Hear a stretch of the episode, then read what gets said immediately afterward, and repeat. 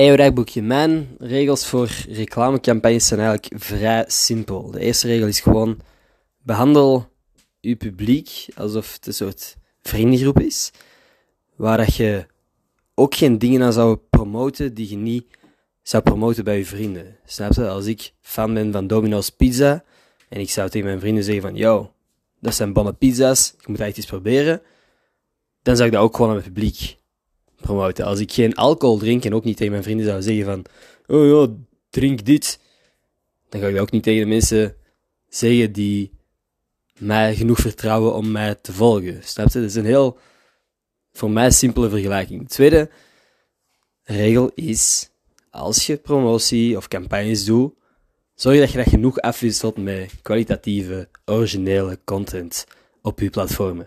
En ik heb het gevoel dat ik een van die regels de laatste tijd een beetje overtreden heb. De, laatste namelijk. Aangezien ik zoveel tijd heb gespendeerd aan het filmen van Gossip Guy, heb ik gewoon geen tijd gehad, of, heb mij niet genoeg gefocust op het posten van content op mijn andere platformen. Um, dus ik heb dat een beetje verwaarloosd en heb ondertussen wel heel wat campagnes gedaan, gewoon zodat ik Gossip Guy het nieuwe seizoen kan financieren. En vandaag heb ik bijvoorbeeld ook een campagne online gegooid. Online gegooid, als ik ermee smijt of zo. Maar in gepost. En dit was het moment dat ik besefte van, damn, ik heb eigenlijk heel weinig YouTube-content of originele Instagram-content gepost de laatste tijd. En ik weet niet, het is niet dat ik niet aan content gewerkt heb, maar dat besef was even gek. Omdat ik, ik zeg het, ik heb maar twee regels waaraan ik mij probeer vast te houden, die ik als een soort leidraad gebruik wanneer ik samenwerkingen doe. En dat voelt even kijk. Wel gewoon motivatie om te zorgen dat ik de komende tijd meer en meer content ga maken.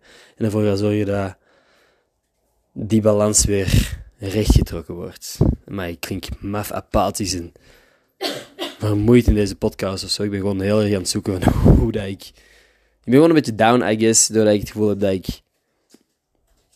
niet meer... Kun ik goed zeggen? Op dezelfde manier gehandeld heb dan dat ik twee jaar geleden zou gedaan hebben. Maar ik kan er terug aan werken. Dus binnenkort, maandag, zal de eerste aflevering van het nieuwe Gossip Guy seizoen online komen. En die woensdag ook alweer een vlog. Er komt echt heel veel shit aan. waar ik heel trots op ben. Uit. de zit.